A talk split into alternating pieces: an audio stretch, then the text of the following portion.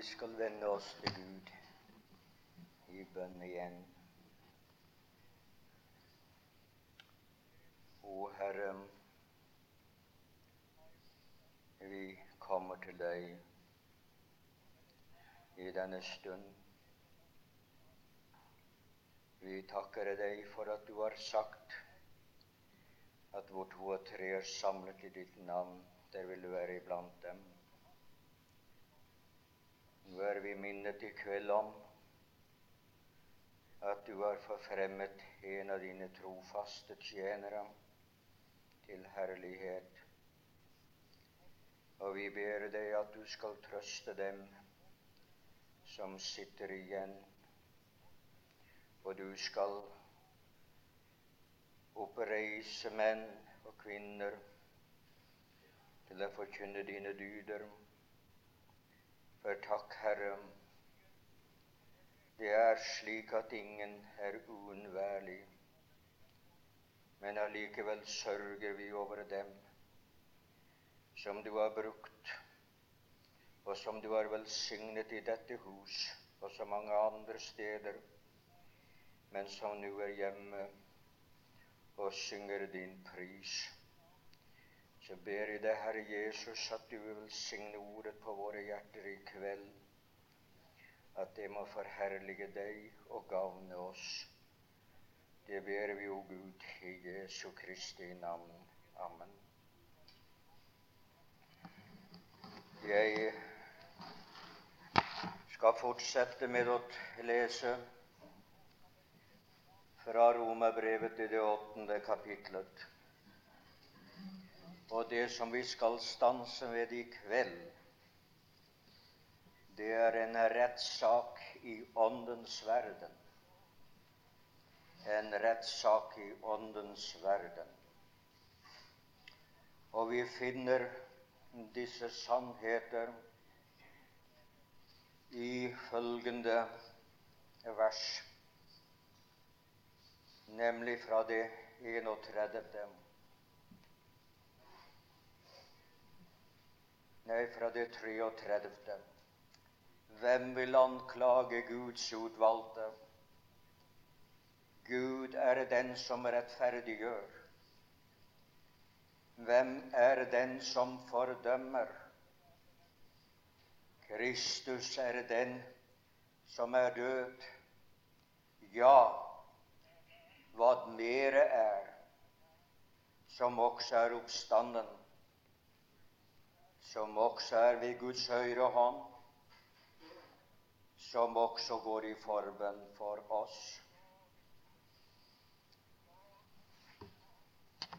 Det er mektige ord som at vi her stilles ovenfor.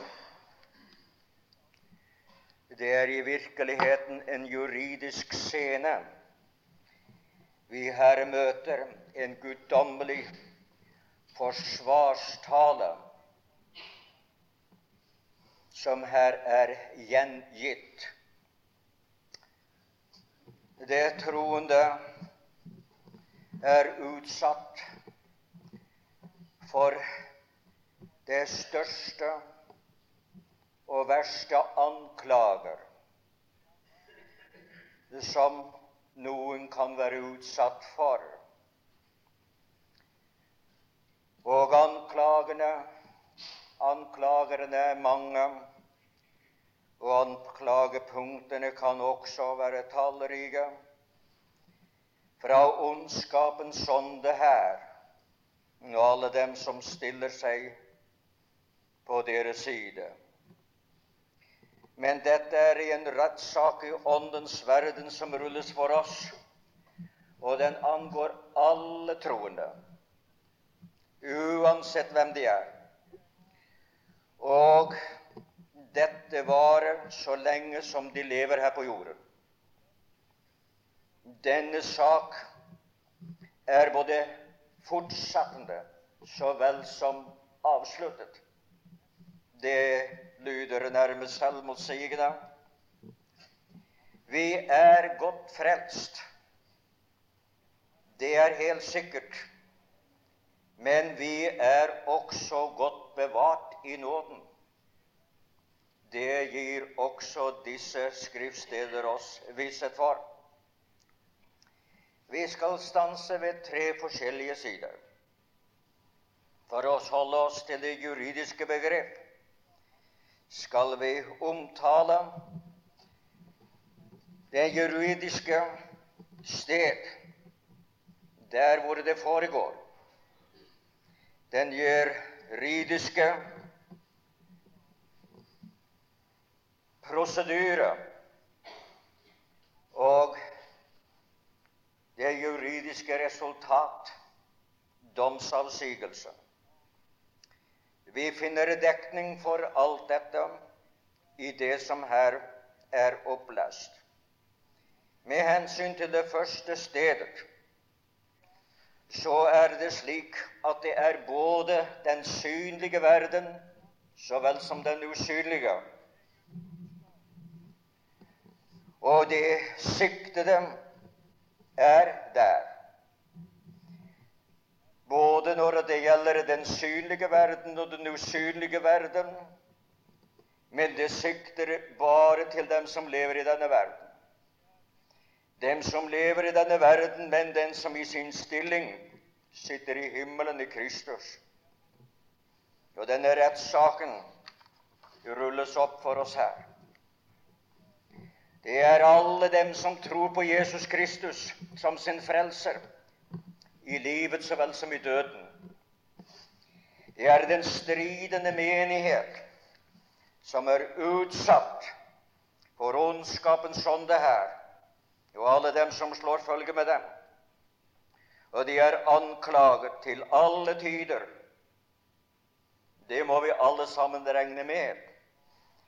Og som de der er anklagende, det er aldri behagelig å bli anklaget. Og de anklagede er i denne store rettssal.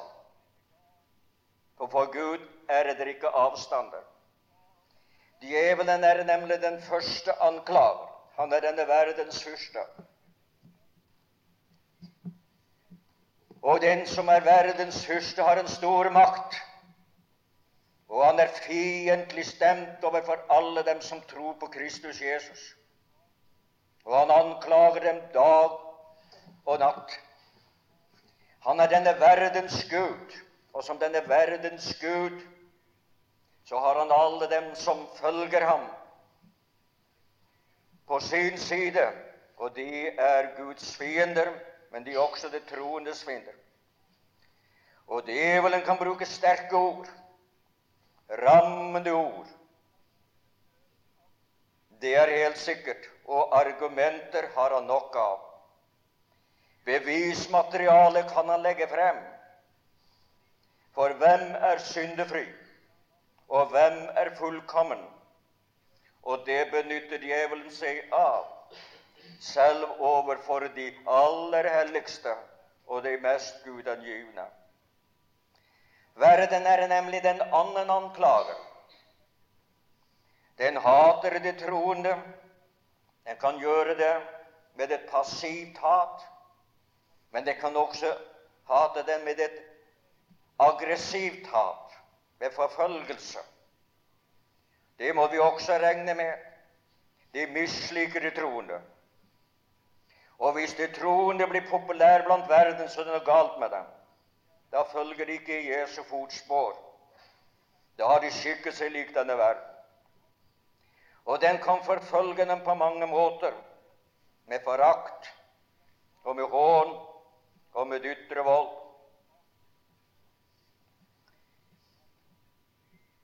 Det er slik at det som er i verden, er nesten fiendtlig stillet over det som er guddommelig massemedierne,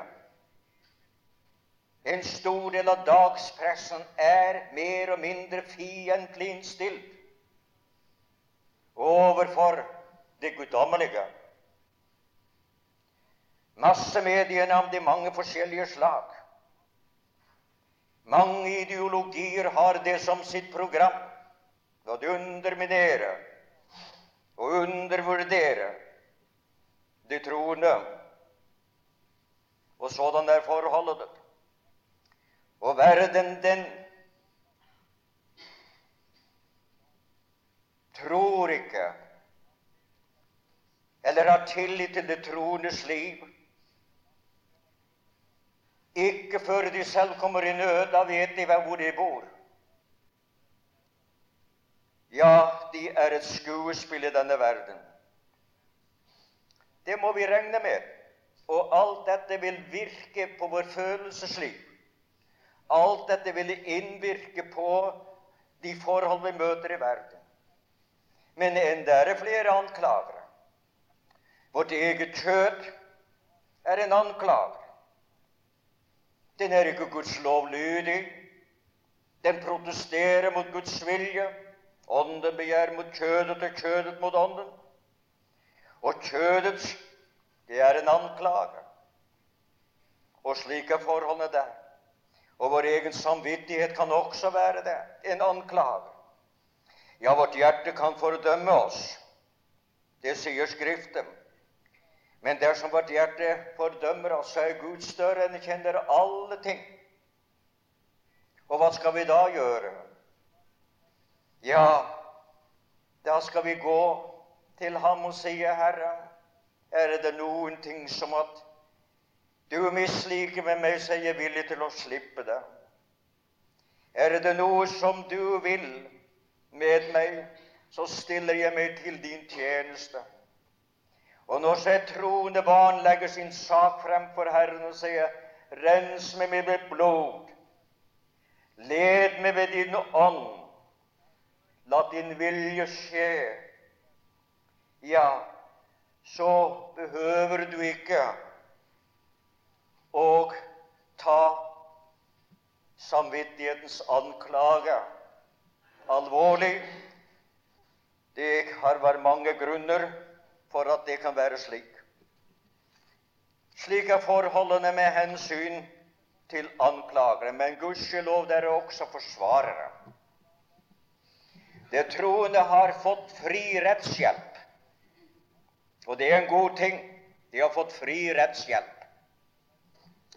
Universets to største advokater, høyeste rettsadvokat, Jesus Kristus, og høyeste rettsadvokat, Den hellige ånd, er blitt gitt dem, beordret dem av Gud, som deres forsvarere. For det er slik at Jesus Kristus Vi har en talsmann hos Faderen. I den engelske oversettelse står det 'vi har en advokat'. Vi har en advokat.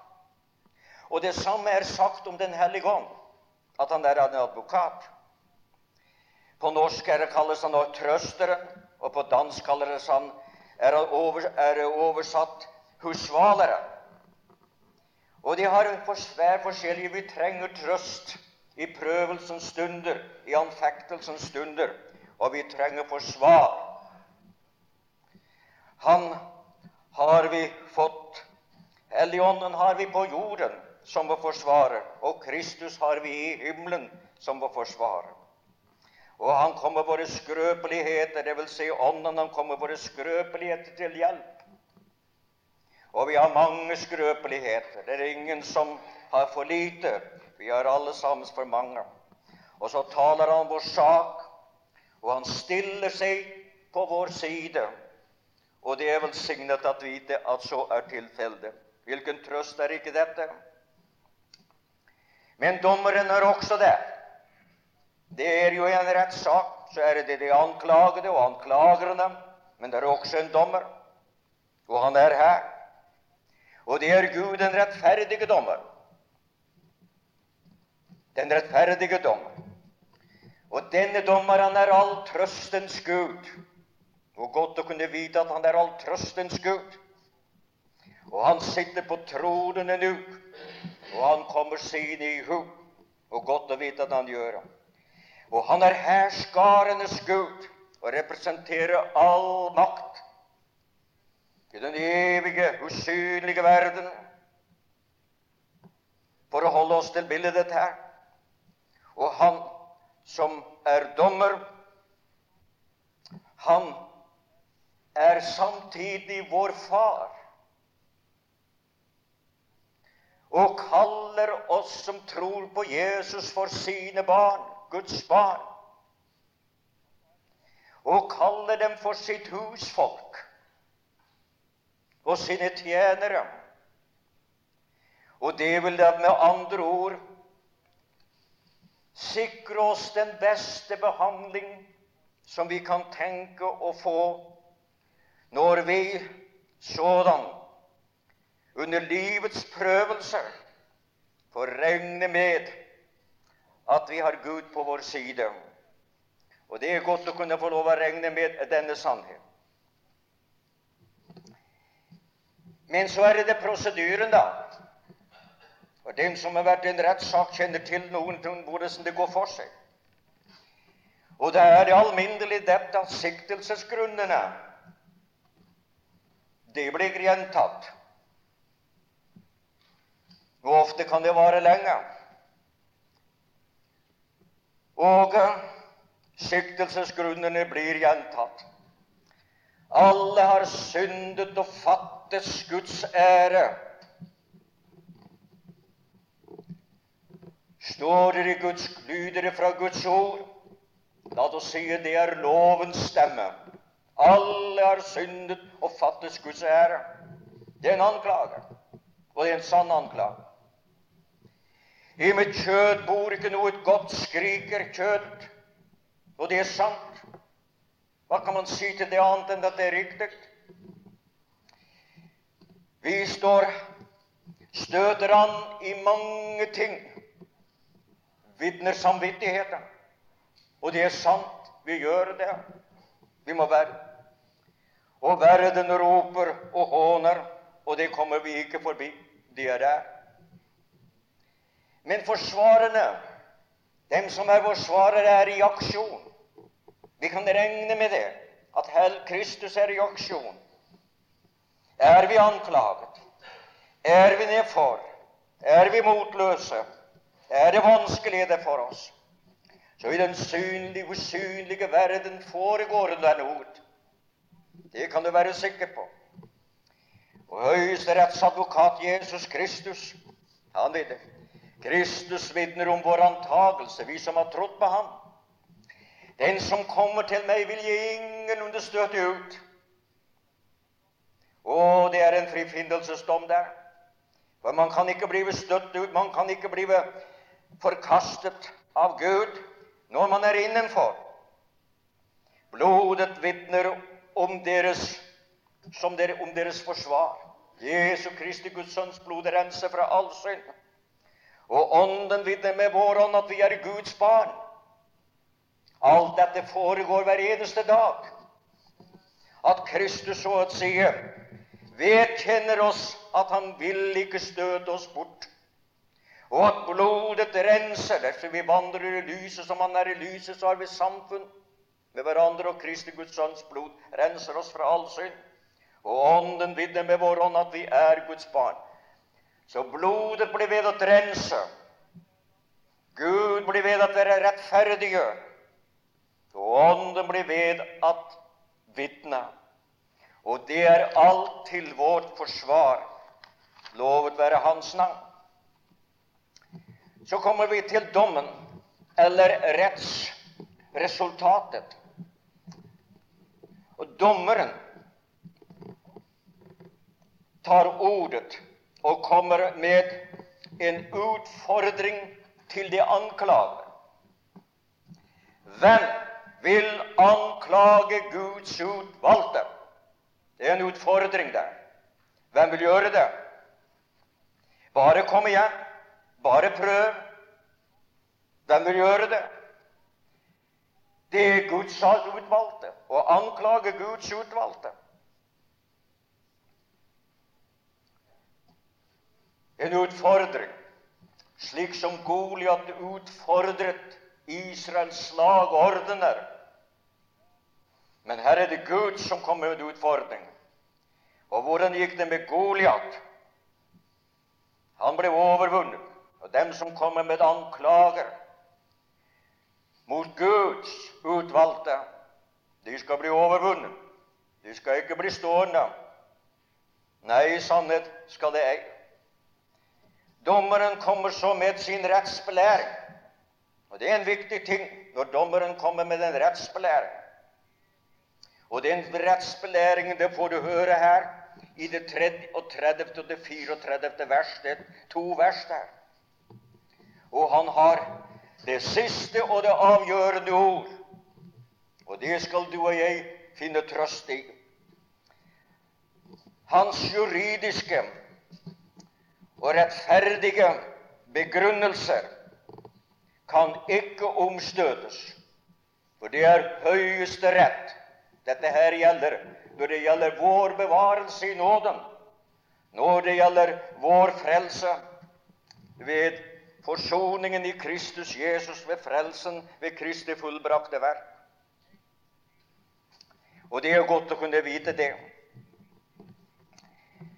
Så tar han ordet, og så kommer han med en rettsbelæring og en erklæring, ja, en femfoldig erklæring for at de som hører Jesus Kristus til Det er ingen fordømmelse for dem, domfellelse for dem. Og disse fem punktene, disse fem beled, disse ting, fem ting som han nevner her, til vår trøst, til vår bevarelse, det skal jeg nevne nå. Og hva er det han da sier? Jo, Kristus er død. Det er første frifinnelsesbevis. Kristus er den som er død, står det i det 34. vers. Og et annet sted i Skriften så en er død for alle. Ingen kan dø to ganger. Anklagen er mot dem Synden skjold er død. Men den som tror på Kristus, han er død i Kristus. Han døde, en døde for alle, en er død for alle. Og ingen kan dø da to ganger. Du er død i din stedfortreder, og dermed er anklagen ugyldig og kan ikke effektueres. Ja, det er det han nevner her.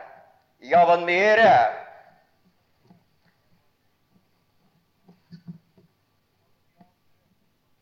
Altså, når et menneske er død, da nytter det ikke å reise sak mot ham. Det nytter ikke det. Altså er det ikke noen domfellelse for dem som da er død i Kristus. Det er en annen begrunnelse. Dommeren kommer med Gud, den rettferdige dommer. Det er Kristus er oppstanden. Kristus er oppstanden. Død med Kristus, begravet med Kristus. For begravet, det er å være brakt bort fra Guds åsyn. Oppreist med Kristus. Det er den annen bevisførelse ja, hva mer er, som også er oppstanden. Den som har Kristus, han har livet. Og det er det evige livet. For Kristus er vårt liv. Og i det øyeblikk at et menneske er en ny skapning i Kristus Jesus, da er han et nytt menneske. Og det nytter jo ikke å reise og komme til en anklage, f.eks. å si til en som heter Jens, og så overføre denne anklagen til en som heter Hans. Det vil si det er to forskjellige personer. Og i det øyeblikk at Gud regner med at den som er i Kristus, han er oppstanden, han er oppreist, han har et nytt liv da er dette en bevisbeførelse for at anklagen er ugyldig. Du er blitt et helt annet menneske, en nyskapning i Kristus Jesus. Kristus, som, Så kommer den tredje begrunnelse for frifinnelse. Kristus på Guds trone. Det er tredje ting. Ja, det er viktig, dette, at du sitter i himmelen. Han er på tronene nå, som er oppstanden. Og han er i himmelen. Og det ville være det samme vis at den som tror på Jesus Kristus, skulle bli domfelt. Så vil han bli domfelt som den det sitter i himmelen i Kristus. Og det går ikke Gud med. Og så den fjerde, det er Kristi forbønn. Ja, hva mer er som lever for å gå i forbønn for oss. Således er de troendes bevarelse sikker på høyeste hold. Og her er en eiendommelig ting som en fremragende amerikansk forfatter påpeker. Og det er når vi leser disse ordene her Og jeg skal lese dem, for det er interessant å se det. Det er de stigende, argumentene er stigende, bevisførende blir sterkere. Hvem vil anklage Guds utvalgte? Gud er den som rettferdiggjør. Hvem er den som fordømmer? Kristus er den som er død. Og det var stort, for det regnet som død med ham. Ja, hva mer er? Altså, det er noen ting som er enda større til vår frifinnelse, som også er oppstanden og så gjør han oppmerksomhet, denne forfatter. Ja, hva mer er, altså enda mer, som også er ved Guds høyre hånd. Ja, hva mer er, som også går i forbønn for oss. En av Amerikas, eller Canadas dyktigste bibeltolkere, som har nær tilknytning til Schofield, som påpekte dette i et av sine verker.